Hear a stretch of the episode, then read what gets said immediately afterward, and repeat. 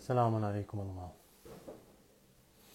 Als iemand eh, kan aangeven of, eh, of jullie mij horen, dan eh, zou dat natuurlijk helpen.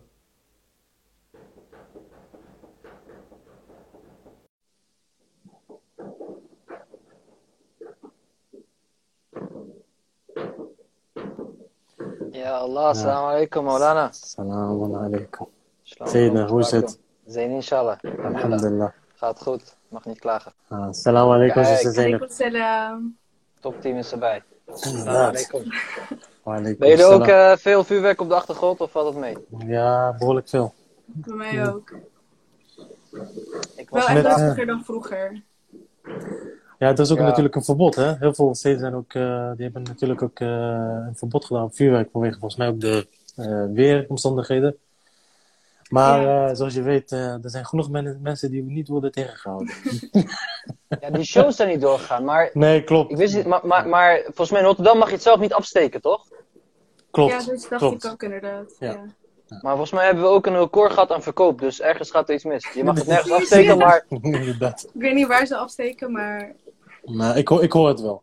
ja, ik hoor wel waar ze het afsteken, dus eh, Bij jou in de achtertuin. ja, inderdaad. Ja. Nee, maar eh, eh, ja, superleuk eh, dat jullie erbij zijn. En dat we toch nog eh, net voor het eh, einde van dit jaar toch nog even bij elkaar konden komen. En ik denk wat we eigenlijk willen doen vandaag is, ik zie al dat er 17 mensen meekijken. Salam alaikum allereerst naar iedereen. Ehm, ja, ik, leek, het, leek het ons natuurlijk heel leuk om, om gewoon samen te reflecteren op 2022. Wat we nou allemaal hebben meegemaakt, welke lessen we, we hebben kunnen trekken. De moeilijke, de goede momenten natuurlijk. Eh, en natuurlijk ook, wat zijn onze goede voornemens voor 2023? Want dat is natuurlijk het allerbelangrijkste. Hoe gaan we onszelf inshallah volgend jaar eh, verbeteren of eh, ja, naar de volgende level brengen? Ja. Ehm, maar ik zou zeggen, ja, je moest hebben, hoe, hoe, hoe, hoe kijk je als eerste vraag natuurlijk gewoon even een korte terugblik, zodat we een beetje kunnen starten. Hoe kijk je eigenlijk naar uh, afgelopen jaar 2022? Hoe was het voor jou? Ja, Eh, weet je, het klinkt natuurlijk heel gek, maar Ja. ik eh, was vandaag toevallig nog in België, want eh ik was naar Antwerpen gegaan met eh, vrienden, familie. Eh, maar toen hoorde ik opeens van iemand die zei van, ja, weet je nog, vorig jaar, toen, eh, volgens mij ontsnapten toen alle studenten via de trein om naar België te gaan. Want Ja. daar was het nog open. En dan besef je bij jezelf van, oh ja, ehm, eigenlijk tot, ja, tot vorig jaar zat het natuurlijk in de COVID. En ook op persoonlijk leven, nou ja, ik, ik werkte gewoon elke dag. Ik moest gewoon elke dag eh, naar mijn werk. Ik werk in de zorg, dus dat veranderde niet. Maar als je kijkt gewoon op, op AIO-niveau. We zijn eigenlijk dit jaar pas weer begonnen met bijeenkomsten. En eigenlijk hadden we daarvoor, ja, dat, jij weet het ook nog wel, dat natuurlijk online wat. eh, maar de wereld was zo anders. En eigenlijk is het dit jaar voor ons, alhamdulillah, als ik kijk naar mijn eigen leven ook. Ja, kijk, iedereen maakt op privé eh, moeilijke dingen mee, dat hebben we allemaal. Maar als je toch zo terugkijkt, dan denk je, wat heb ik afgelopen jaar, afgelopen jaar bereikt? Eh, op werkgebied. Maar als je kijkt naar persoonlijke ontwikkeling, welke competenties heb ik ontwikkeld, welke ja, dromen heb ik verwezenlijkt? En, en ja, welke stabiliteit, eh, hoe, hoe ben ik met mijn geloof gegroeid qua kennis. En dan moet ik toch zeggen, alhamdulillah, dat Allah subhanahu wa ta'ala eh, me heeft gezegend dat ik bepaalde stappen heb gemaakt op het gebied van geloof, kennis, eh, menselijke vlak altijd de vriendschap heb onderhoud. Ja, werk is werk, daar, gaat het altijd wel goed mee. Maar zeker ook op AIO-gebied. Ik heb net toevallig alle bijeenkomsten opgeschreven. Ja, dat zijn er flink wat. En ik denk, eh, wat ik met name gewoon eh, heel spannend vond, is van oké, hoe gaan de mensen reageren na COVID? Ja, eigenlijk zien we dat, nou, aantallen zeggen we altijd, maakt niet uit, hè, want al is er één ziel die iets heeft gehad aan de bijeenkomst. Maar toch, als je het analyseert, dan zie je eigenlijk toch gewoon een verdubbeling van, van aantallen. En dat vind ik wel heel interessant. Misschien kunnen we daar zo meteen wat verder op in. Ja. Van hoe komt het dat de gemeenschap, de jongeren, toch dit hebben gevonden en zijn blijven haken eh, aan de bijeenkomst?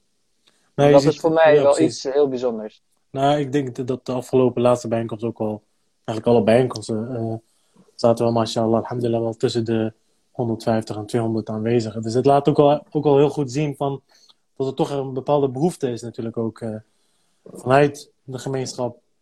Vooral na zo'n twee jaar lang lockdown, et cetera. En eh, hoe was het voor jou, uh, zuster Zeynep? Hoe, hoe kijk jij terug op, de, op 2022? Eh, ja, ik vond 2022 best wel zwaar. Maar als ik erop terugkijk, heb ik niet zoveel gedaan. Het was een heel. Was een, het was een jaar waar ik echt stil stond voor mijn gevoel. En niet echt vooruit kwam. Maar ehm, ik denk dat daar wel echt heel veel lessen. Dat ik daar heel veel lessen uit heb gehaald.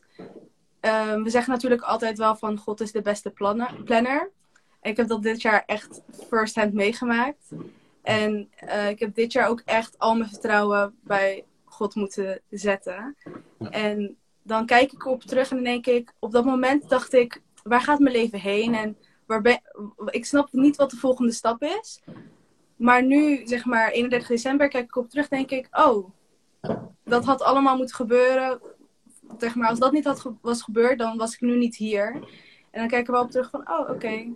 Ik moet echt, dat vertrouwen, daar ben ik echt heel blij mee. Want 2021 was voor mij heel erg ehm, stressvol.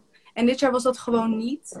Ik was heel veel rustiger. En ik denk echt wel dat dat komt omdat ik automatisch, zeg maar onbewust, wel echt heel veel bij ben gegroeid in mijn geloof. En daardoor heel veel meer bij alles mentale neer kan zetten. Ehm, dus ik kijk er een beetje dubbel op. Oké, het was heel saai en rustig. Maar op hetzelfde moment ben ik er wel veel rustiger persoon van geworden. En ben ik ook wel trots op de groei die ik heb gemaakt.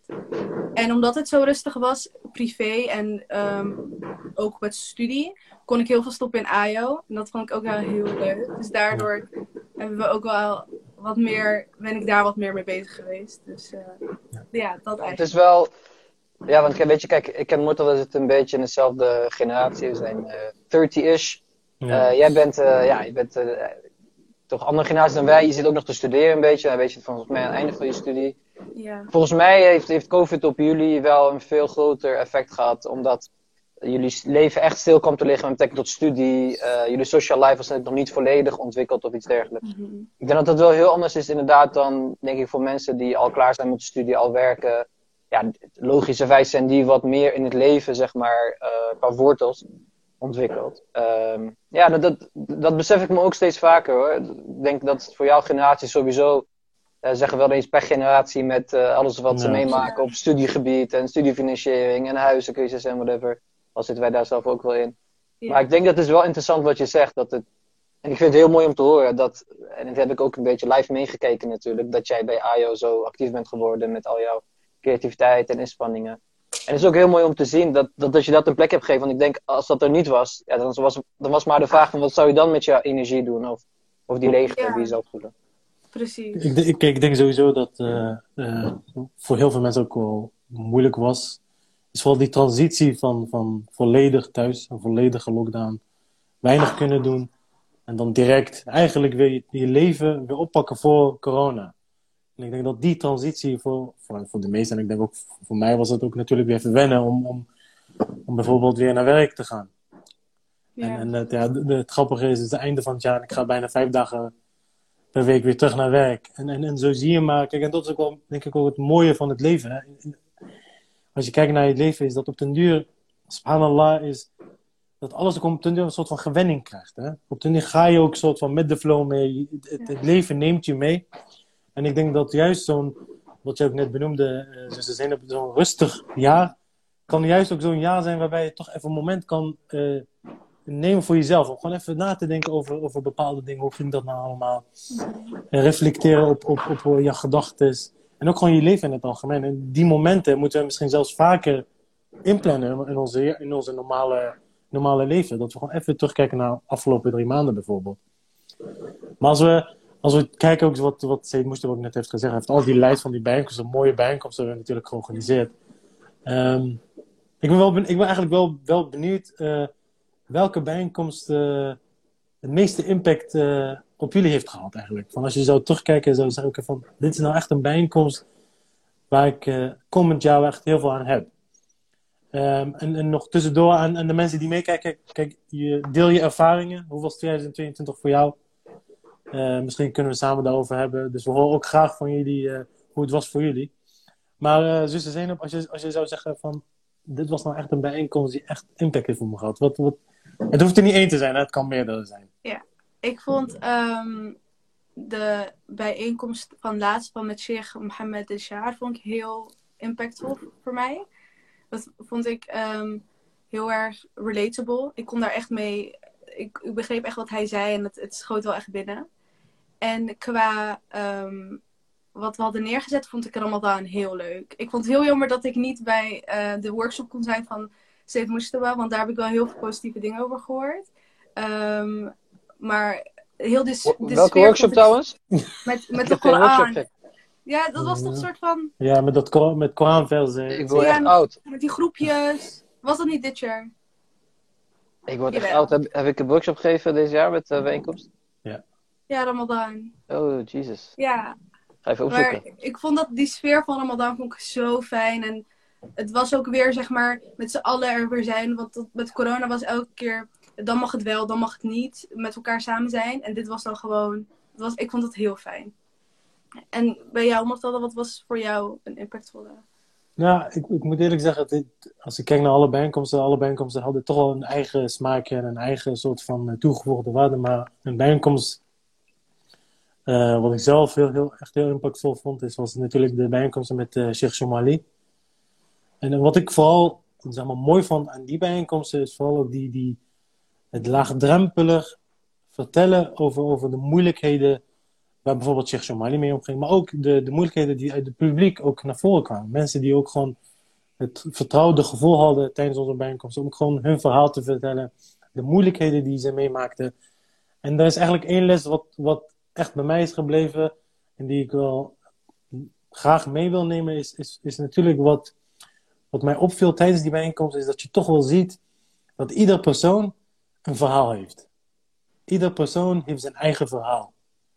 En wat je leert is dat, dat, je, dat je vooral eh, niet te snel conclusies moet trekken of vooroordelen moet hebben over een andere persoon. Een persoon kan misschien op dit moment eh, heel blij zijn of heel positief zijn, terwijl je niet weet wat hij natuurlijk in zijn leven afgelopen jaar allemaal heeft meegemaakt, welke moeilijke gebeurtenissen hij heeft, hij heeft moeten doorgaan. En wat je daar echt vooral uit ziet is dat wanneer je mensen niet veroordeelt voor hoe ze zijn of hoe ze reageren, of waarom ze misschien op dat moment zo emotioneel zijn, of misschien op dat moment zo blij zijn, is het voor ons heel belangrijk om eerst vooral ook een soort van inlevingsvermogen te krijgen in andere mensen, in hun situaties. En ook vooral jezelf ook niet te vergelijken met een ander. Want eh, ja, het, is wel grappig. Kijk, mensen zitten soms zo in elkaar dat wanneer je ziet wat, dat een ander een bepaalde zegening heeft of een ni'ma heeft, wil je dat ook bijvoorbeeld graag. Of denk je van, oh, eh, eh, waarom heb ik dat niet, et cetera. Terwijl je, als je erover nadenkt, weten wij niet of die ni'ma of die zegening een test, of niet, of, een test is voor die persoon of niet. Oh. Kijk, natuurlijk kan iemand misschien heel veel geld hebben, met zo, maar heel veel geld hebben kan natuurlijk ook een, een test zijn van Allah subhanahu wa ta'ala om, te kijken hoe iemand reageert op zoiets. Of armoede, hoe iemand daarop reageert. Of, of een moeilijke gebeurtenis. Dus dat vond ik wel een hele mooie bijeenkomst. eh, die wel echt heel veel impact heeft eh, gehad op mij. En jij, Said Mustafa? Accent. Trouwens, zijn nu hoor ik pas. Ik kreeg net een paar appjes van mensen die zeggen van gaat wel lekker met jou. Ik weet niet wat je denkt. Nee, maar ik denk eh, niks geks. Het is een beetje watermeloenschap. Sorry. Nee, ik kan me nog inderdaad. Sorry. Toen hadden we eh, verschillende versen en, en, en mensen moesten per vers een tafsir opzoeken. En we hadden Ja. toen een website gegeven en de sheikh was er volgens mij ook. Dus Precies. Nee, ik Klopt. kan me nog herinneren trouwens. Dat is, was wel een leuke bijeenkomst. Inshallah kunnen we dat ook weer doen. Want mensen hadden toen ook aangegeven van hoe ze eigenlijk eerst dachten van, hé, Koran tafsir, dat is heel moeilijk en ingewikkeld. En Klopt. natuurlijk, het, misschien zelf onderzoek doen is één ding, maar heel veel dingen staan al geschreven. En ik, wij kregen toen heel veel feedback van mensen die daar zeggen van, joh, goh, ik, is het eigenlijk, ja, weet je dat die tafsir ook in het Engels beschikbaar is. En nu hoor ik me het weer, dus dankjewel. Maar volgens mij is dat, eh, ik heb wel één keer corona gehad. Misschien is dat een bijwerking. Dat ik word oud. Misschien een van beide, ik weet het niet. Nee, maar eigenlijk die van de Koran. Eh, nou ja, het ging me meer om het feit dat. eh, wa- Wat ik hier heb opgeschreven, de eerste was Share Your Thoughts. Mhm. eh, de bijeenkomst. Maar ik kan me toen nog herinneren dat er nog een paar mensen mondkapjes droegen. Want het was toen nog een beetje kiele kiele. Maar tijdens Ramadan, toen ik echt het gevoel van: hè, waar komen die mensen vandaan? Mhm. Subhanallah, weet je, want kijk, voor corona, dan, dan, dan was het, ja, nogmaals, aantallen zeggen in principe niks, maar het is gewoon een indicatie van iets. Het was gemiddeld 80 mensen of zo. En we waren natuurlijk bang van, hè, na corona komen mensen wel, en hoe zal het gaan? En zijn mensen een beetje afgeknapt, of hebben ze misschien een beetje een sociale ziekte gekregen van afstand van elkaar? Het was zo bizar, ehm, dat, dat en, en wa- was het volgens mij ook in een weekend toen twee keer achter elkaar? Was het een vrijdag of een zondag of zo? Ik weet niet meer zeker. Maar dat was voor mij in dat opzicht eh, ja, bijzonder, omdat ik dacht van. Toen dacht ik echt van: wauw, wat een kracht van de gemeenschap, wat een kracht van de jongeren. Eh, wat bijzonder dat mensen tijdens, ja, je zou zeggen, normale bijeenkomst zonder internationale geleerde of whatever, mensen dan eigenlijk zo massaal opkomen. En toen dacht ik van, wauw, oké, we moeten nu echt volop voor gaan. Met Ayo, met iedereen, met video's maken. En toen kreeg ik echt een speciale boost van, subhanallah, ook tijdens Ramadan. Dus dat was voor mij heel bijzonder. Somalië inderdaad. Want ja, het, is toch, het was toch natuurlijk iemand die, denk ik, eh, als je kijkt naar de tijd en de geest, naar, naar de soort islam die hij predikt, dat dat zo bijzonder is. Ik, ik ben altijd iemand die, eh, ja, de, de, de Muharram bijeenkomsten, ik moet zeggen, eh, dag van Ashura is altijd heel speciaal. Ja, jullie weten het, Muharram is gewoon zo'n bijzonder gevoel. Klopt, dat, daar gaat bijna niks tegen op. We hebben natuurlijk ja, Ramadan tijdens de Hajj, maar, maar ook gewoon eigenlijk Ashura vond ik ook heel bijzonder. Ehm, Dat we dat met elkaar zo mochten doen. Want ja, dat hebben we het afgelopen jaar ook niet eh, zo mogen doen met elkaar. En, en, en eh, ja, Fatimiyye, eh ik moet zeggen, de beslissing toen om te zeggen, we hadden eigenlijk heel weinig tijd. En dat we toch nog zeiden met elkaar van, hé, hey, we gaan het gewoon doen. We hebben weinig tijd, we gaan even kort vergaderen. We, ja, we zijn natuurlijk zo ervaren met, met die standaard bijeenkomsten. En dat vond ik wel heel bijzonder. Dat we op zo'n korte tijd met elkaar hebben afgestemd. Ook de organisatie. Weet je, het gaat op een gegeven moment vanzelf. Subhanallah, ik zeg altijd van het voelt alsof 70.000 engelen ons meehelpen met alles. Of het nou de promotie is, met het mediateam, met de bijeenkomsten zelf. En ook alhamdulillah, met jou Murtada toen de afstemming van de lezing. Dat vond ik zelf ook eigenlijk heel leuk. Want het was de eerste keer dat we dat samen een beetje gingen doen. En je ziet dat je elkaar dan versterkt. Zoals we elkaar soms motiveren om video's op te nemen. Dat we met elkaar eh ja, gebrainstormd hadden en alles op één lijn zetten. En welke onderwerpen en aanpak. Ja, ik moet zeggen, die, die vriendschap van ons, van ons allemaal, maar ook met jou Murtada. Ik vind dat wel iets van, ook wel trots op. Dat we dat jaren eigenlijk altijd zo onderhouden hebben. En nu zien we alhamdulillah dat we elkaar motiveren.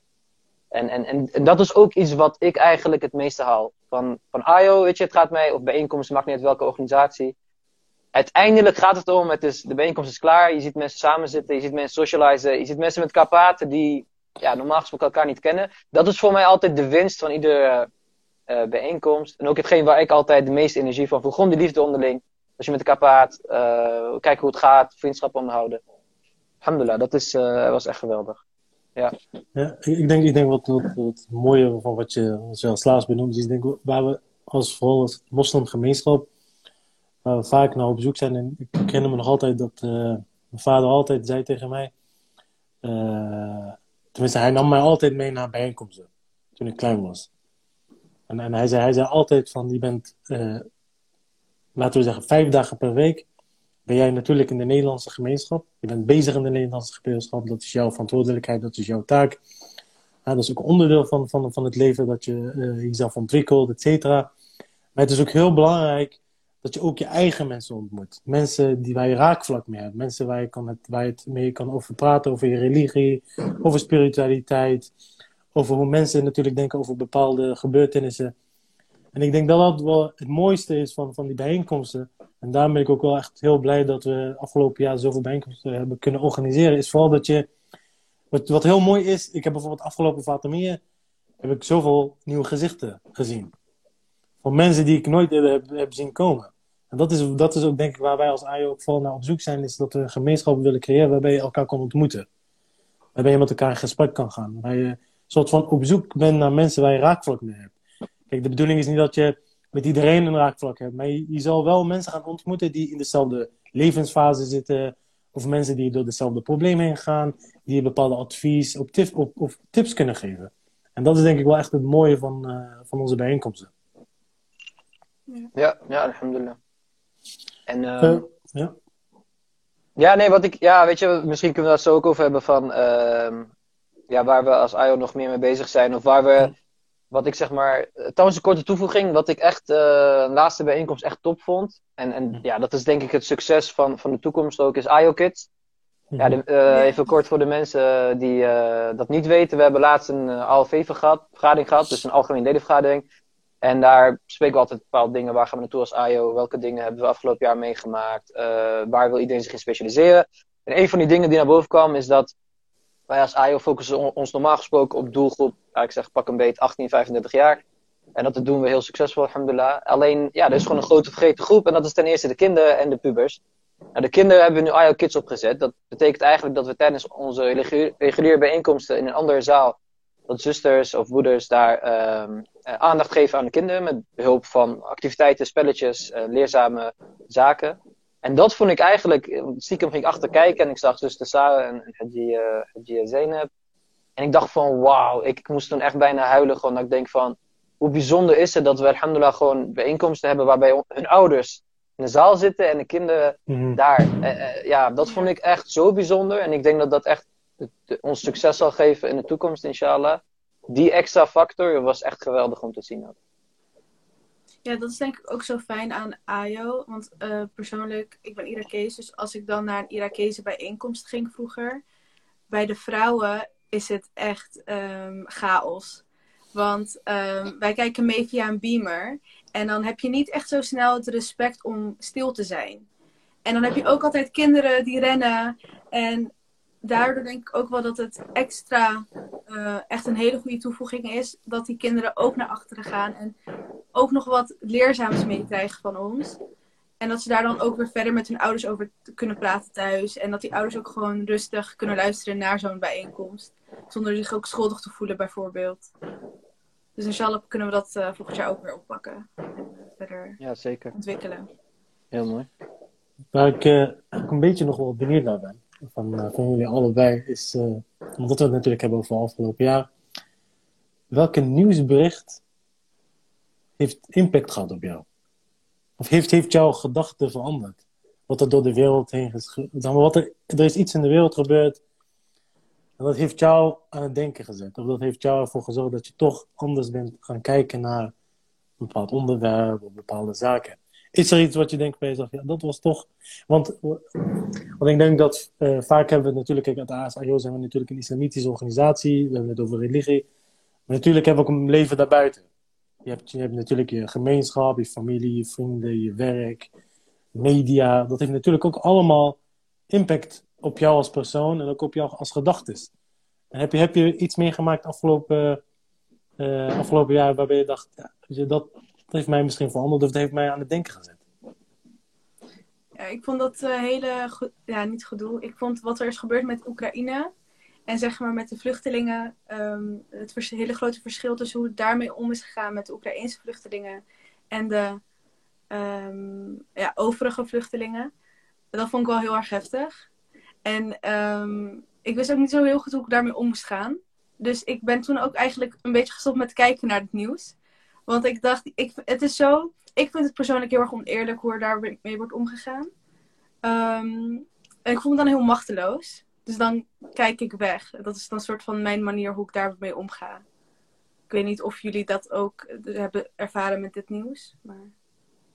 Ja, ik snap wel wat je bedoelt. Kijk, Oekraïne is natuurlijk de meest ja, impactvolle gebeurtenissen afgelopen jaar. Natuurlijk is dat de oorlog. Dat heeft te maken met prijzen die veranderen, de economie. Uh, nou, zelfs uh, wat denk ik onder onze gemeenschap het meest wordt gebruikt, olie. Dat is uh, van 1 euro naar 2 euro naar 4 euro gegaan. het was niet eens leverbaar, chaos. Van, van alles is veranderd door die oorlog natuurlijk. qua economie, economische zaken, gas natuurlijk niet vergeten. Nou, iedereen, we zijn blij nu dat het 16, 17 graden is, want bij wijze van. Dus dat heeft natuurlijk een grote impact gehad. Um, maar ik vind het trouwens een hele goede vraag. Uh, ja, als ik nadenk eigenlijk waar ik zeg maar, um, en dan gaat het misschien een beetje diep, waar ik een beetje trots op ben, op, op de, toch wel is, je, je ziet zeg maar in de, in de wereld, hè, je hebt het liberalisme, dus dat is het feit van, hé, hey, verlichting, we gaan vooruit, we hebben geloof niet meer nodig, iedereen is vrij, je mag doen en laten wat je wil, je mag met met, uh, iedereen mag met elkaar uh, en alles, want liefde en et cetera. En alles is vrij, geen regels, uh, pure vrijheid. En wat je eigenlijk op een gegeven moment ziet, afgelopen jaar, afgelopen half jaar met name, zie ik dat, het, dat liberalisme is tegen de muur aangegaan. Mensen zijn, zijn toch wakker geworden. En, en ik heb het niet over een politieke stroming, maar over het algemeen. Ze denken van, hé, hey, het leven is veel te leeg. Om alleen maar vrij te zijn en leef je leven en dux, ox en uh, whatever. En wat je dan eigenlijk ziet is dat mensen een beetje aan het zoeken zijn. Hè? Terug naar een fitra, wat we eigenlijk zeggen. Mm. En als moslims hebben we alhamdulillah die uh, bakermat van ons geloof. Hè, waarbij we denken, hey, dit makes sense. Weet je, vooral als we natuurlijk in, in verdiepen en de juiste tafsir en de juiste uh, ma'arifa krijgen, dus begrip van ons geloof, dan denken we, hey, dit, is, dit is het echt. Ik heb dit allemaal niet nodig, ik heb ons geloof. Maar wat ik eigenlijk alhamdulillah ook zie, is dat bij een algemene publiek ook men een beetje op zoek is naar wat meer conservatieve normen en waarden. En uh, ik denk dat ook een van de redenen is dat jongeren zo behoeftig zijn naar geloof. Behoeftig zijn naar, ja, wat is het leven nou? Wat is, uh, wat is geluk? Wat is geloof? Uh, wat moet ik met mijn leven? Hè? Je komt op een gegeven moment in een zwart gat na je studie of tijdens je studie. Wie ben je? Wat is je identiteit? Zeker nu bijvoorbeeld na het WK hè, zie je ook dat, dat er een grote invloed is gekomen van. Hè, dat we zien hoe mensen toch omgaan met de Arabische cultuur. Dat, dat, dat mensen denken dat, uh, dat een bepaalde norm of cultuur het beste is en we kijken niet op iedereen. En ik ben toch wel trots als ik zie hoe de, hoe de islamitische gemeenschap, uh, of het nou Nederlands of overal, toch, toch daarop heeft uh, gereageerd. En je ziet dat mensen denken, weet je, nu is het genoeg. Weet je, wij laten ons niet meer meeslepen door dat hele identiteitsverhaal en, en dat we minder zijn. En ik zie dat dat afgelopen half jaar wat sterker is geworden. Dus dat is voor mij het meest impactvolle. Want ik zie dat het ook heel veel invloed heeft op hoe mensen, hoe jongeren. Hè, ik ben daar heel veel mee bezig met jongeren en in gesprek. Ik zie toch dat ze wat meer vatbaar zijn voor het geloof. Omdat ze beseffen dat dat niet alles is. Het geluk en TikTok en Reels en, en, en geld en auto's is niet alles. Ik merk dat ze dat nu pas een beetje inzien. En, en dat vind ik heel erg fijn. Want dat geeft mij weer wat hoop in de mensheid in de toekomst. Nou, ik, ik, denk dat je daar wel een heel mooi punt uh, eigenlijk aankaart. En ik denk, uh, wat, je, wat het vooral is, is dat uh, wat je ziet, is dat de huidige ideeën wat betreft liberalisme, et cetera, dat ultieme vrijheid, wat, wat eigenlijk wordt gecreëerd, is dat je gelukkig bent als mens wanneer, wanneer je volledige vrijheid hebt. Wanneer je gewoon als mens kan zeggen, ik wil van alles kunnen doen.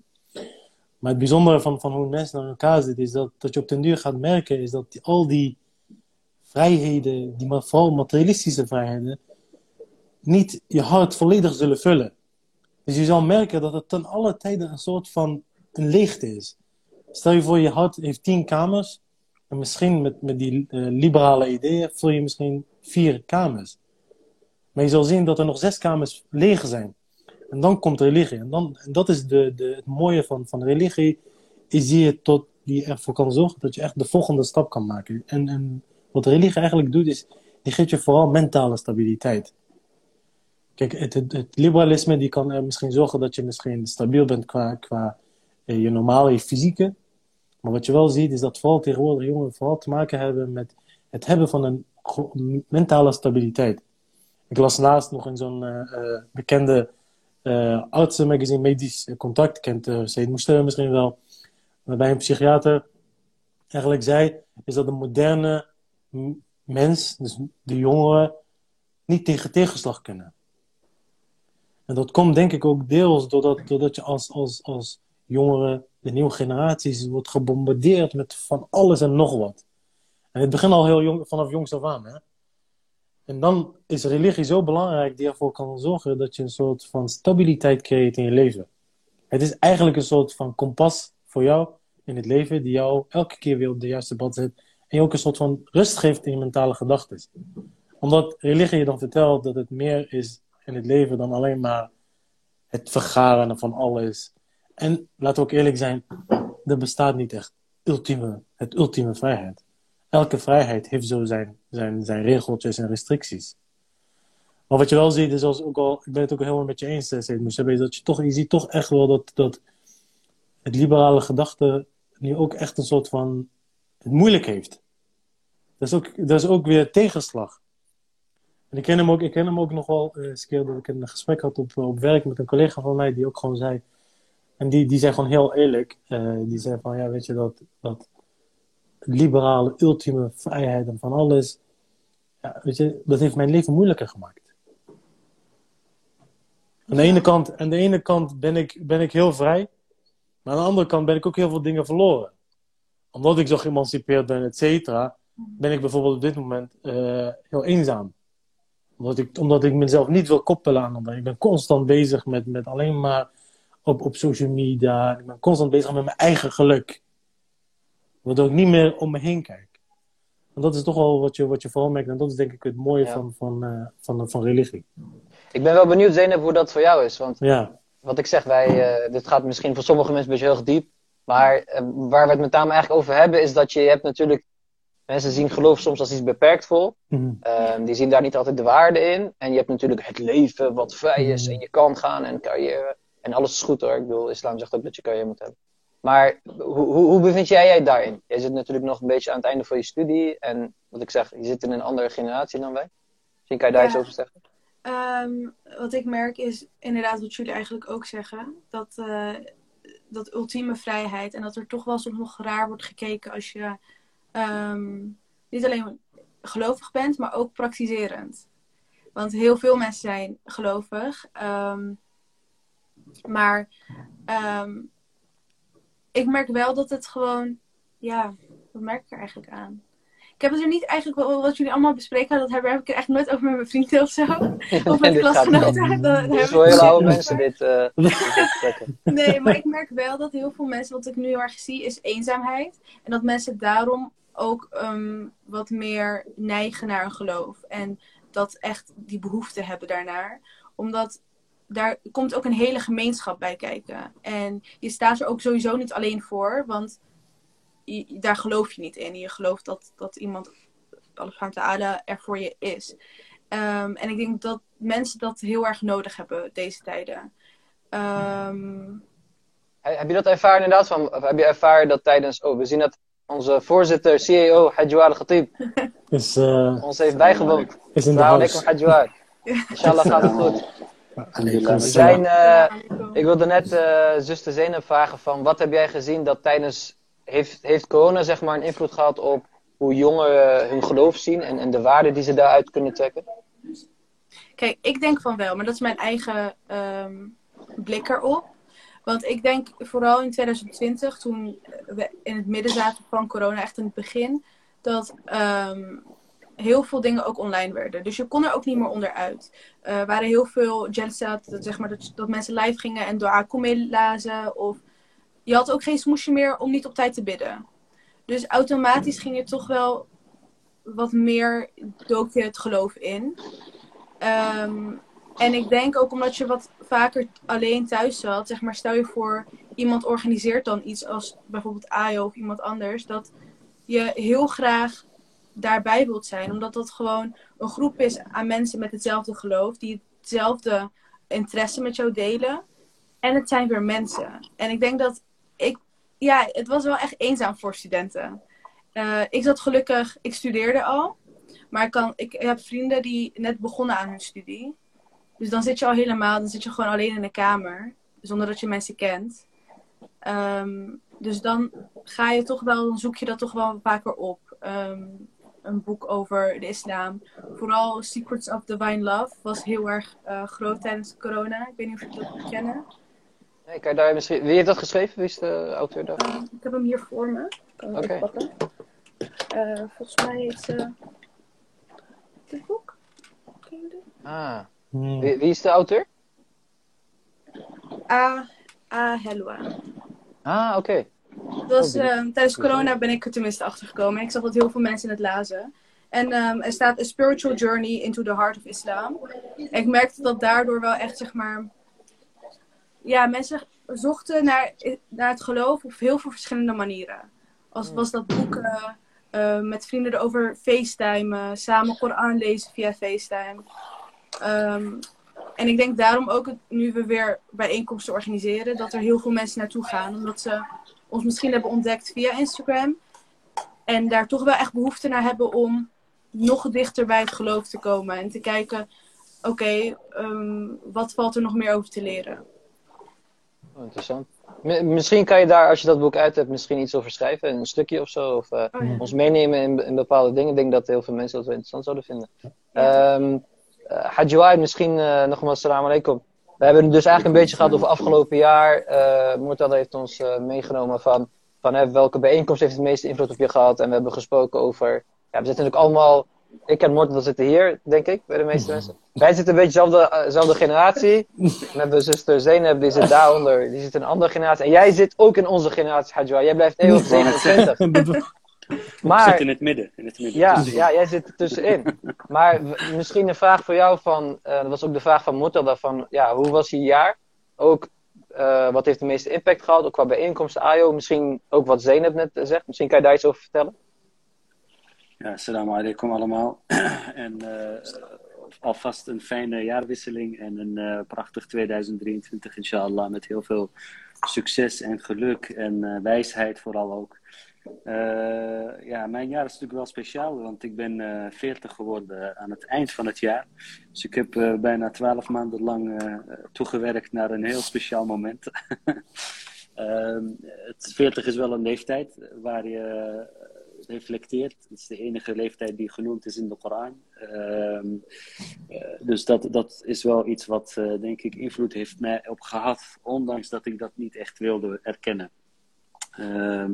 Als we het hebben over AYO en hoe AYO heeft ontwikkeld, denk dat wij eh, prachtige bijeenkomsten hebben georganiseerd. Ik denk dat de essentie ligt ook wel in het feit wat, wat Zeynep net heeft gezegd. eh, dat we heel veel eenzaamheid hebben gekend in de jaren daarvoor. En dat maakte 22 zo speciaal, dat we eindelijk weer konden bijeenkomen, weer mensen konden zien, weer ons, ons geloof weer konden praktiseren op de manier dat we eigenlijk gewend zijn. En het gemis daarvan geeft je een waardering voor wat je hebt. En geeft je een waardering voor het feit dat die bijeenkomsten eigenlijk kunnen plaatsvinden. Nu weet je hoe belangrijk ze zijn voor jezelf, voor je eigen ontwikkeling, voor je eigen emoties, voor je eigen psyche. Eh, en dat is denk ik echt een meerwaarde ge- geweest in 22. En eh, daarom, eh, als je, ik weet niet of jullie het vuurwerk om me heen horen, maar het is heel hard. Maar ehm, wat, wat, heel, heel erg veel mensen vergeten, zijn de gunsten van Allah die wij hebben. Waar we dagelijks mee, mee, eh, mee van doen krijgen. Eh, en ik denk dat eh, de corona één goed ding heeft gebracht. En dat is weer waarderen wat we, wat we hebben aan ons geloof. En, en hoe belangrijk Allah subhanahu wa ta'ala en de beet zijn voor ons. En hoeveel waarde ze kunnen hebben in een, in een tijd waarin we emotioneel eh, ja, eh, op het laagste pit hebben kunnen zitten. Eh, en dan is er één touw die Allah subhanahu wa ta'ala naar ons heeft eh, laten neerdalen. En dat is de beet. En dan, dan zie je de waardering heel erg. En dat, dat is denk ik een van de belangrijkste punten geweest in 22. Nee, ik vind het wel mooi wat, je ook natuurlijk, eh eh Joai zegt ook, we hebben zoveel gunsten. En ik denk dat we daar te weinig bij stilstaan. Absoluut, absoluut. Ik was vandaag, vandaag zaten we eh, ergens buiten te eten en eh, we zagen een, eh, een dove man die samen met zijn gezin en met zijn dochtertje aan het praten was, hè, aan het communiceren was. Ehm, en dat als je doof bent, dan is er, een, is er een wereld om je heen die je misschien niet helemaal er, er- ervaart of herkent. Eh, een stukje verderop zagen we weer een andere eh, zieke jonge dame die, hè, die, die heel veel moeite had om überhaupt te bewegen, die in een rolstoel zit. Nou, de vuurwerk was te hard, zo te zien. Ik denk dat die geraakt is. Jongens. Nee, dat mogen we niet zeggen. Nee, het, Nee. eh, de Joël eh, zit in een hele veilige... Zit je wel veilig? Volgens mij ben ik een stukje Ja. eh, kwijtgeraakt. Ja, nee, nu ben je weer Ah, terug. we, we waren nou bijna bang dat je geraakt was, Hadje. Een van de gunsten is internet, zie je? Als je dat niet hebt, dan is het al... Zie je maar, je kan alles al hebben, maar zonder internet. Inderdaad. Nee, maar hè, dus we liepen verderop en we zagen een, een jonge dame die niet eens kon eten. Hè, dus die moeite had met eten. En ik denk dat als je niet realiseert wat je hebt aan, gezondheid, aan de mensen om je heen, aan de aanwezigheid van ouders, van familie, van vrienden, eh, aan de gunst van überhaupt internet en met elkaar kunnen, kunnen communiceren over, over afstanden. Eh, als je daarbij stilstaat, dan, dan, dan is je relatie met Allah subhanahu wa ta'ala heel sterk. Maar ook je, je rust vind je in je hart. En ik denk dat dat een van de belangrijkste dingen is als, als Allah zegt Ala tatma'innul qulub. Eh, en dan moeten we denken aan imam Ali alayhi salam die zegt dat hij in alles wat, wat om hem heen is en in zichzelf Allah ziet. Eh, dat is de connectie die je moet maken. Mhm. En op dat moment vind je de rust. dat je eigenlijk alle gunsten hebt van Allah. Je hebt zoveel goede dingen, dat die paar kleine, tussen aanhalingstekens, uh, dingen eigenlijk niet moeten kunnen breken. Uh, natuurlijk blijft, het, blijft die emotie en de psychologische ontwikkeling is, een, is iets wat, wat niet alleen met geloof te maken heeft, maar ik denk dat als je die gunsten, uh, en misschien is dat wel een, een goede voornemen voor 2023, om alle gunsten die we hebben echt te waarderen. En daar Allah subhanahu wa ta'ala dankbaar voor te zijn. Er is een hadith van Imam Sadiq die zegt: Udkurullah bil yawm walau elf marwa. Herinner Allah subhanahu wa ta'ala per dag, al is het maar duizend keer. Al is het maar duizend keer. En dat is omdat de gunsten die je van Allah subhanahu wa ta'ala hebt, ja, die zijn zo immens groot. Dat je altijd dankbaar moet kunnen zijn. Klopt. Ja, en, en, en het punt is natuurlijk van hoe, hoe kom je tot de inzichten dat je die gunsten hebt. En dat is wat ik heb meegemaakt in mijn leven, alhamdulillah, is dat je moeilijkheden meemaakt. En vanuit die moeilijkheden kom je tot groei. Maar als je in die moeilijkheden zit en je weet niet waarom je getest wordt, je weet niet wat de islam is, je weet niet wat het doel is van Allah subhanahu wa ta'ala met jou, dan ga je in, de war raken. Dan ga je verward raken met je geloof, met je iman, met alles. En daarom is het belangrijk dat als je tijdens je jonge leven al, al je verdiept in de Koran, want daar staat alles in, in, in ons geloof, et cetera. Want dan weet je wat de sunnah is van het leven, wat de bedoeling is van het leven. Zodat als je een test meemaakt, dat je weet van, hé, hey, dit hoort erbij. In plaats van, why me? En die Balotelli, die, shirt ken je nog van, hij zegt, why always me? Nee, het punt is dat je zegt, oké, hey, hey, ik word getest. hey, Allah subhanahu wa ta'ala had het over in mijn heilige boek. Dat ik zal worden getest. Dat ik daardoor dichter bij Allah subhanahu wa ta'ala zal komen. Want hij houdt van mij. Want hij wil mijn ziel zuiveren. En dat is iets waar ik zelf heel erg overtuigd van ben. Is van, alles wat je meemaakt aan moeilijkheden is om jou te testen. Om je te laten ontwikkelen. En om daarna echt een mens te worden dat je denkt van, alhamdulillah. Als ik dat niet had meegemaakt, hoe dan? Hoe zou ik ooit deze ontwikkeling meemaken? Hoe zou ik ooit deze bewustzijn creëren over het leven? Hoe zou ik ooit deze rust hebben in mijn hart? Dat ik echt geen stress meer heb over dingen. Omdat ik deze moeilijkheden heb gezien en heb overwonnen en ontwikkeling heb meegemaakt.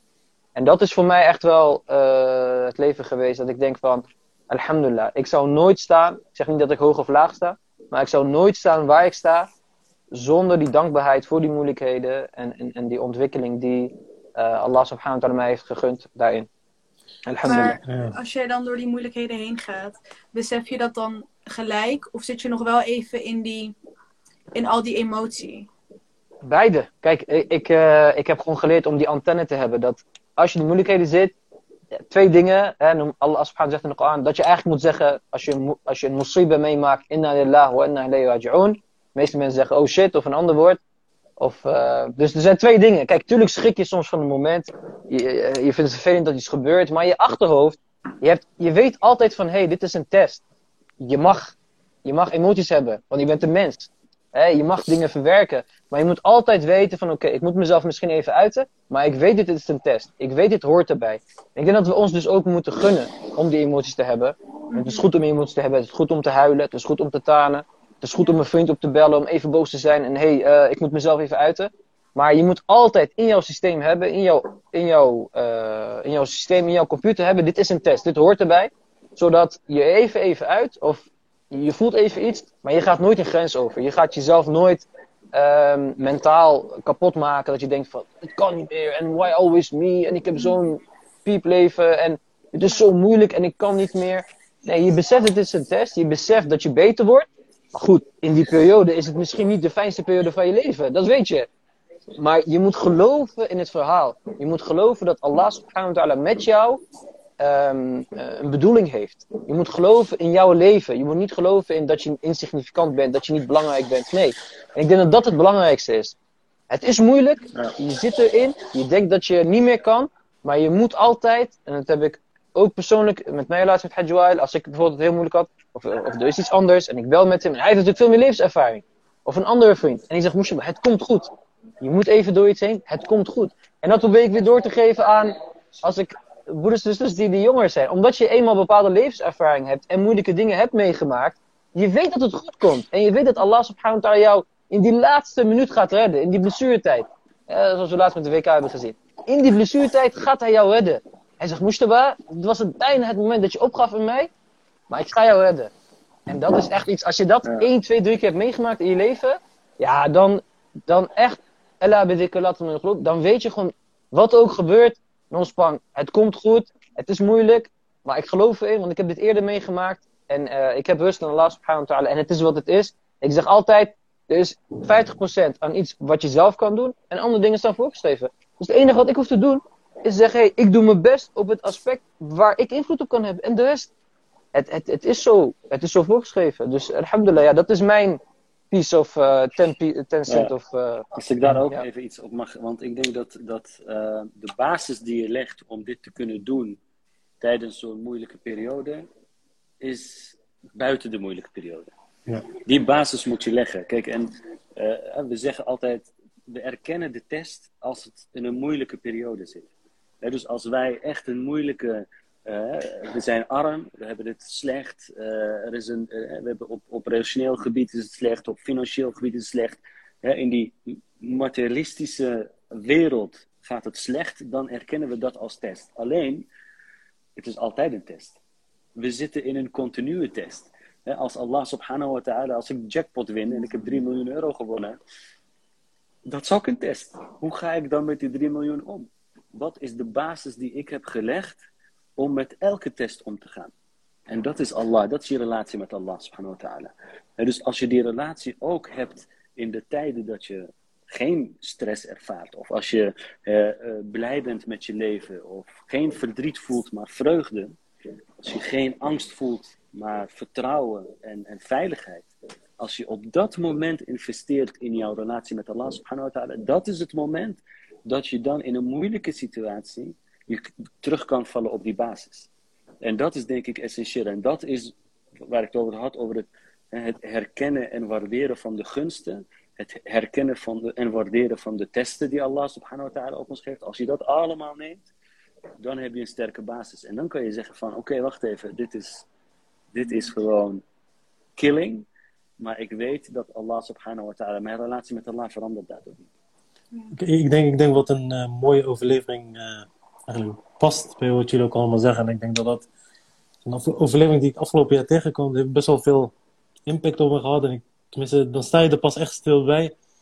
Dat imam Rabbi alayhi, salam, die, die zegt, eh alayhi salam, die zegt, Ahsan al-dhan billah azza wa jal. Wees, wees, wees positief over Allah subhanahu wa ta'ala.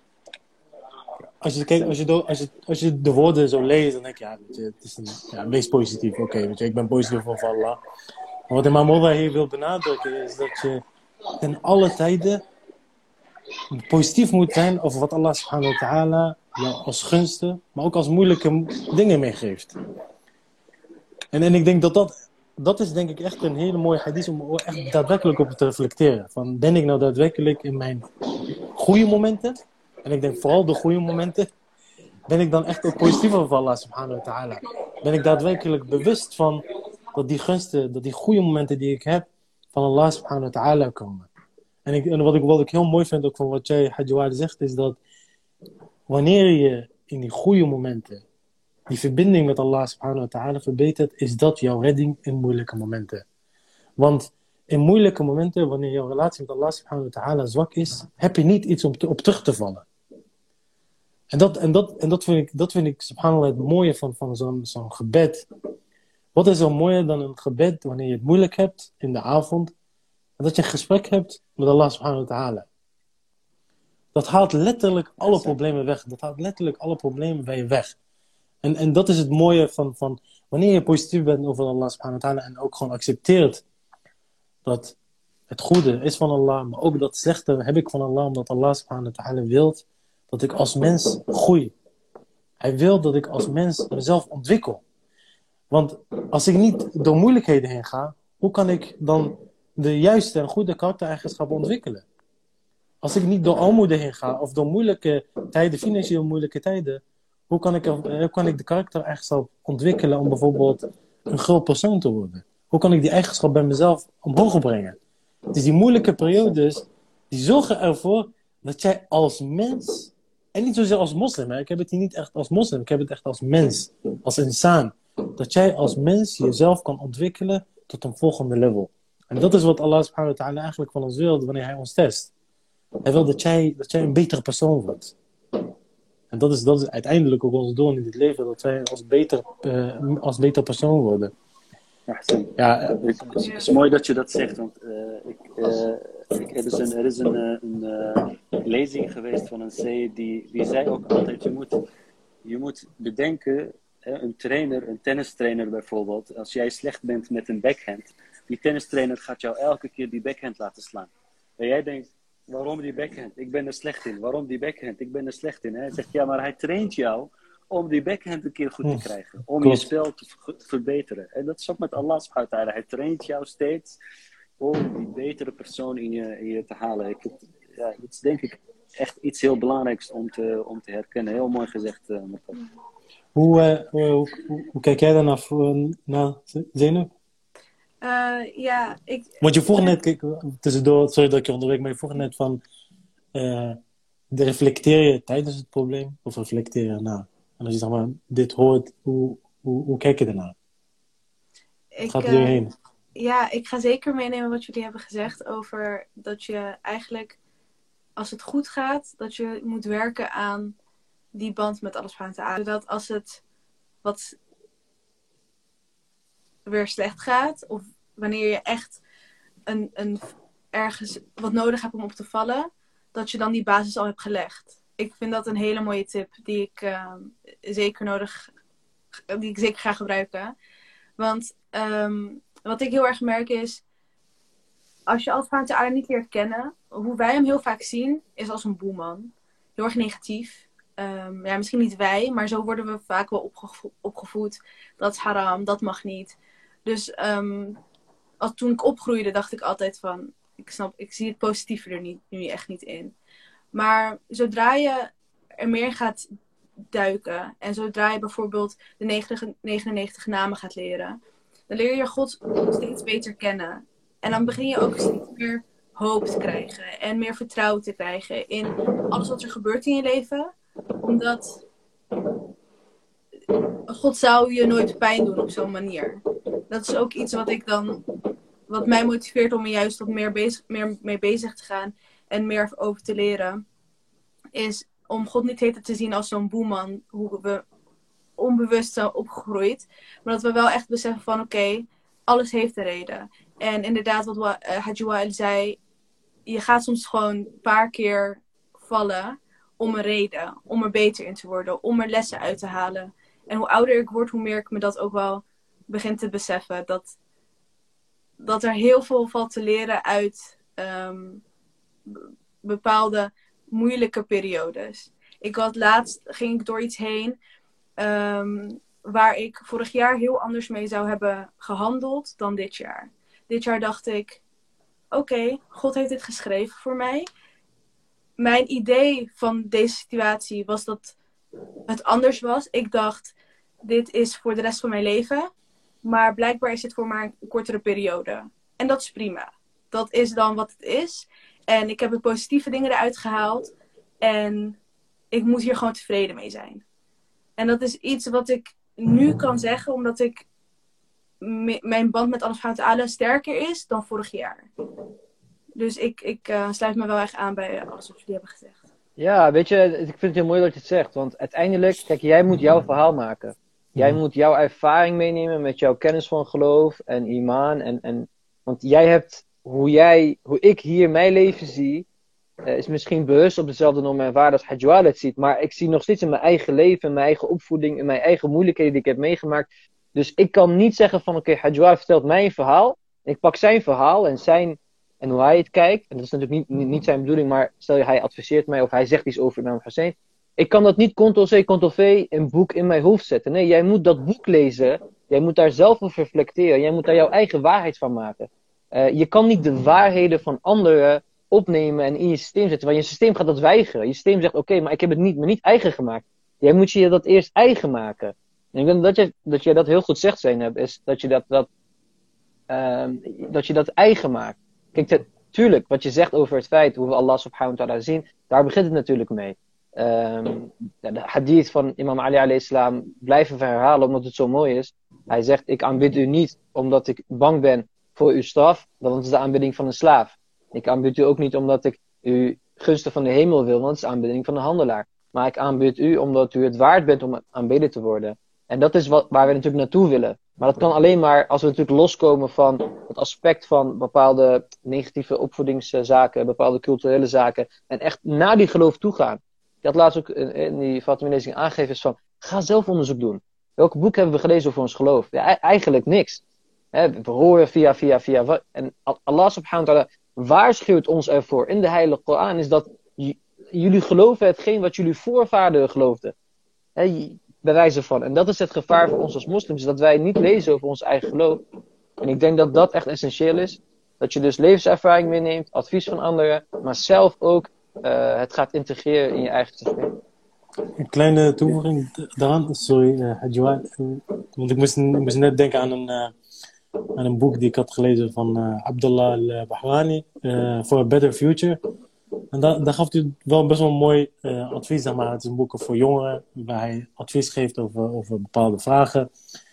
En, en hij, hij zei ook van, kijk, we worden soms, als je kijkt naar hoe, hoe je, wordt opgevoed, is met dit is haram, dit mag niet, je gaat naar hel, et cetera.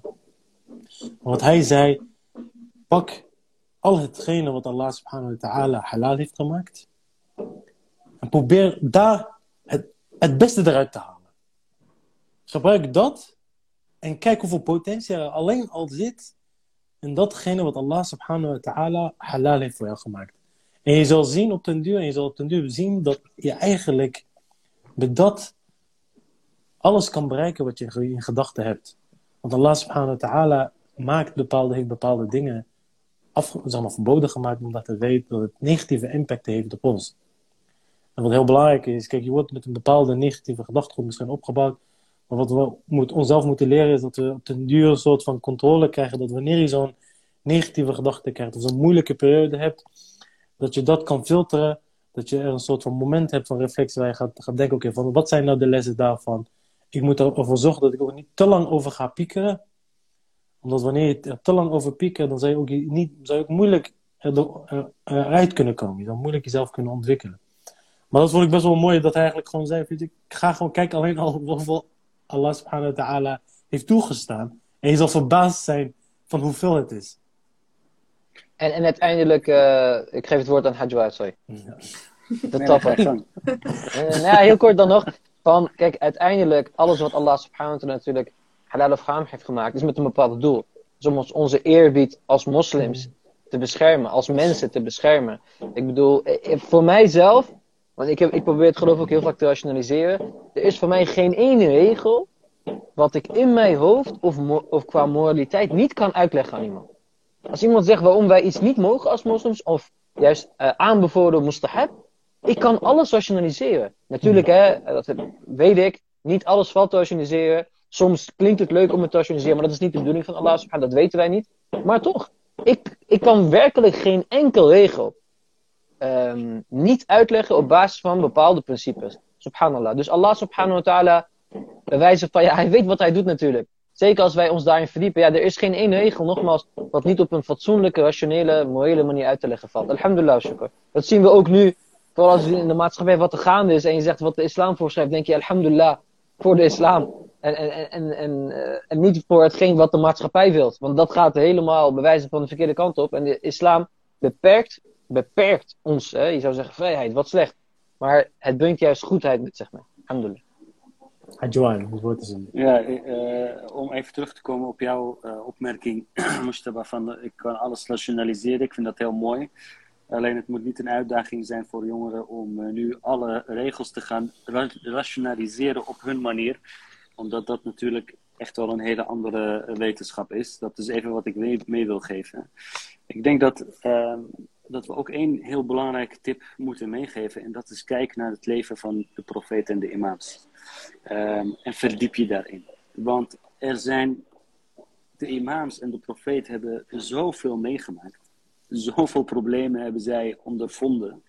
Maar toch, in alles wat zij zeggen, in elke hadith die zij hebben, is een teken van liefde voor Allah subhanahu wa ta'ala. En het is vaak heel, we weten iets over de imams, we gaan naar de majalis en we horen een, een preek en we horen toespraken, we horen lezingen, we zijn blij en we hebben weer iets geleerd. Maar het punt van laat jouw verhaal, jouw leven leven op die, op die basis, hè, waar we eerder hebben genoemd, Dat moet je meenemen uit het verhaal van de imams en de profeten. Als je daarin verdiept, in elk aspect, in elk verhaal vind je iets wat je mee kan nemen in je eigen leven, wat je kan reflecteren op jezelf. En dat zijn onze grote voorbeelden. Dat zijn de, de mensen die, die alles hebben meegemaakt en die op het hoogste punt staan van iman, van taqwa, van, van uh, moraliteit, van, van tevredenheid. Want vergeet niet dat ondanks alles de meest tevreden personen op aarde waren de profeten en de imams. En als je leest, en we huilen ons en ze zien hun, wat er allemaal uh, uh, hun is misdaan. En nog waren zij de meest tevreden persoon op aarde. Dus ik denk dat als je dat meeneemt en die verhalen echt gaat lezen en het reflecteert op je eigen verhaal, dan kom je ook echt wel verder. En een tweede tip is, uh, lees de dua's. Als wij in de tijd dat wij het goed hebben, dua kumail lezen, dua sabah lezen, dua nutba lezen, de ziyaras lezen. En daarin verdiepen, want dat is wat Mustafa ook zei, je moet je verdiepen in, je, je, in je geloof. Welk boek heb je gelezen? Welke dua heb je gelezen? En wat weet je van de dua? Want die dua is één, gereciteerd door een imam. Ten tweede, bevat zoveel lessen en zoveel connectie met Allah. Brengt je terug in je realiteit, in de goede tijden. En ik denk dat als, als je de dua is echt, als je daar vasthoudt en dat leest en reflecteert erop, dan heb je, dan heb je bij wijze van spreken geen enkel boek meer nodig. Want dat, dat is de basis die Allah subhanahu wa ta'ala voor ons heeft gelegd. Voor diegene die heel veel boeken leest en voor diegene die geen enkele boek leest. Zijn dit de twee dingen die je dichter bij Allah subhanahu wa ta'ala brengen. Samen met de Koran natuurlijk, dat staat bovenaan. Mashallah, we hadden, we hadden gepland om uh, drie kwartier te praten, maar uh, zoals je ziet kunnen we nog uren door. maar het is al, we zijn een uur bezig. Um, er zijn nog twee dingen die ik graag zou delen met jullie. Eén is natuurlijk de allerbelangrijkste vraag. wat zijn je voornemens voor 2023? Daar zijn we allemaal naar benieuwd naar. En ik denk wat we de afgelopen periode natuurlijk ook als AIO uh, mee bezig zijn geweest. Een van de dingen is natuurlijk, uh, uh, we zijn bezig geweest met het inshallah binnenkort publiceren van een, van een boek. Daar kan inshallah Moesten nu even heel kort iets over zeggen. We zijn daar afgelopen lange tijd mee bezig geweest. we hopen inshallah dat het ook binnenkort beschikbaar is. Moesten we, als je in het kort even iedereen kan uitleggen wat we hebben gedaan. En, uh, ja, alhamdulillah. Kijk, we hebben ten eerste natuurlijk verschillende groepen opgericht, waarin onder andere ook een, een, een project met betrekking tot het huwelijk is. Volgens mij Hajwalia zit daar zelf ook in. We hebben uh, ja, verschillende broeders en zusters die in comité's zitten, uh, waarin bijvoorbeeld wordt gekeken naar wat gaan we doen met kinderen, gaan we iets maken met video's, gaan we boeken vertalen. Um, en van daaruit is eigenlijk het initiatief gekomen Tenminste, dit boek stond eigenlijk al tien jaar lang op de schappen van Ayo. Ooit vertaald door Hajj Moody. Uh, Allah subhanahu wa ta'ala belonen. En ik zat toevallig te kijken. Ik denk van, hé, waarom is daar nooit wat mee gedaan? Dus ik heb dat toen opgepakt. En eigenlijk met dank aan uh, ook Said Amar met name. Die heeft het uh, grammaticaal goed nagekeken. Ik heb jou toen gevraagd, of je er een design op wil plakken. Nou, dit is nu de eerste hardcopy. Hajwa, je hebt ook eentje gekregen.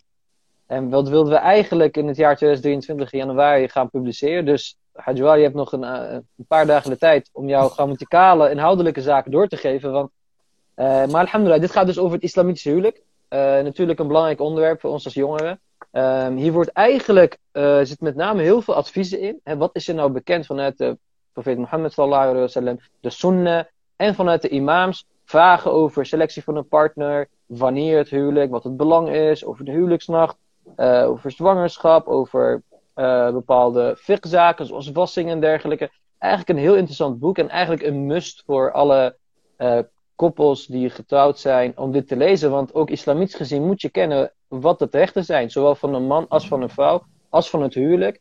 Uh, wat zijn de adviezen? Hoe, hoe, kan je dat daarin eigenlijk uh, ja, mooier maken, je huwelijk? En met liefde, alles wat daarbij komt kijken, wordt eigenlijk in dit korte boekje van, um, over pagina's zullen het zijn, zo'n 50, uitgelegd. Inshallah zal dit dus echt uh, binnenkort op de planken liggen van de mediatafel. Uh, nogmaals een uh, oproep ook aan Hajwail, onze CEO, om inshallah snel met zijn inhoudelijke feedback te komen. Want dan, dan kunnen we het echt gaan publiceren. Dus ja, ik, ik vind dat wel heel fijn, want ik denk dat dit echt iets is wat we allemaal als jongeren moeten gelezen hebben. willen we dit pad van succes eh, van het huwelijk, inshallah op een goede manier eh, betreden. Dat is één ding. ja. En ehm, Ja. eh, ja. Alhamdulillah, dus eh inshallah eh, hopen we dat het binnen volgend jaar gewoon beschikbaar is.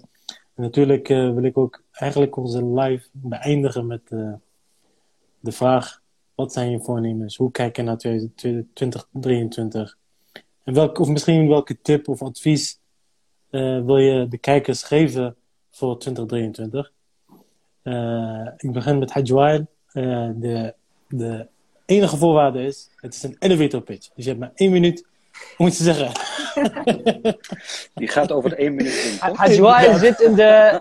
Hajwa, jouw elevator zit in Burj Khalifa, dus je mag liever, doen. dus je hebt de 30 minuten. 30 minuten.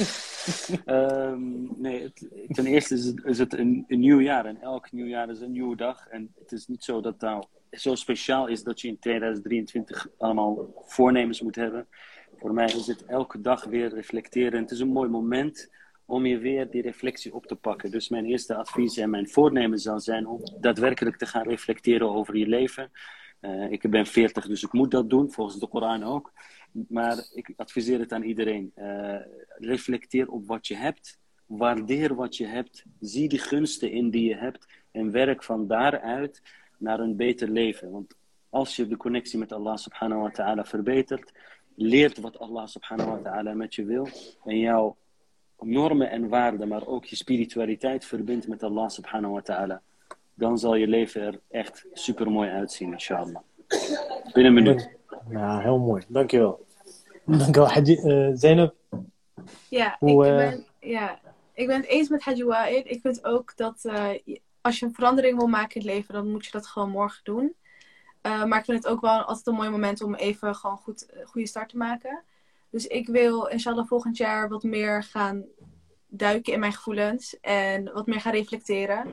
En soms heb ik daar nog wel moeilijk mee. Dus ik heb nu eh, voorgenomen om meer te gaan schrijven. Want dan is het gewoon wat eh, confronterender. Kan ik gewoon alles opschrijven. Ook dingen waar ik me niet bewust van was. Dan wordt het gewoon allemaal op papier gezet. Ehm, en dat is eigenlijk ook gelijk een tip. Ik zie het ook heel vaak voorbij komen dat andere mensen het doen. Je hebt online heel veel ehm, vragen die je kan vinden. Die je zelf kan afvragen over kan schrijven. Ehm, dus dat is mijn voornemen. Dankjewel, Zainab. Uh, Moestebbe, hoe kijk jij naar 2023? Zeker. Trouwens, zometeen in- inhoudelijk naar jou toe, Murtala.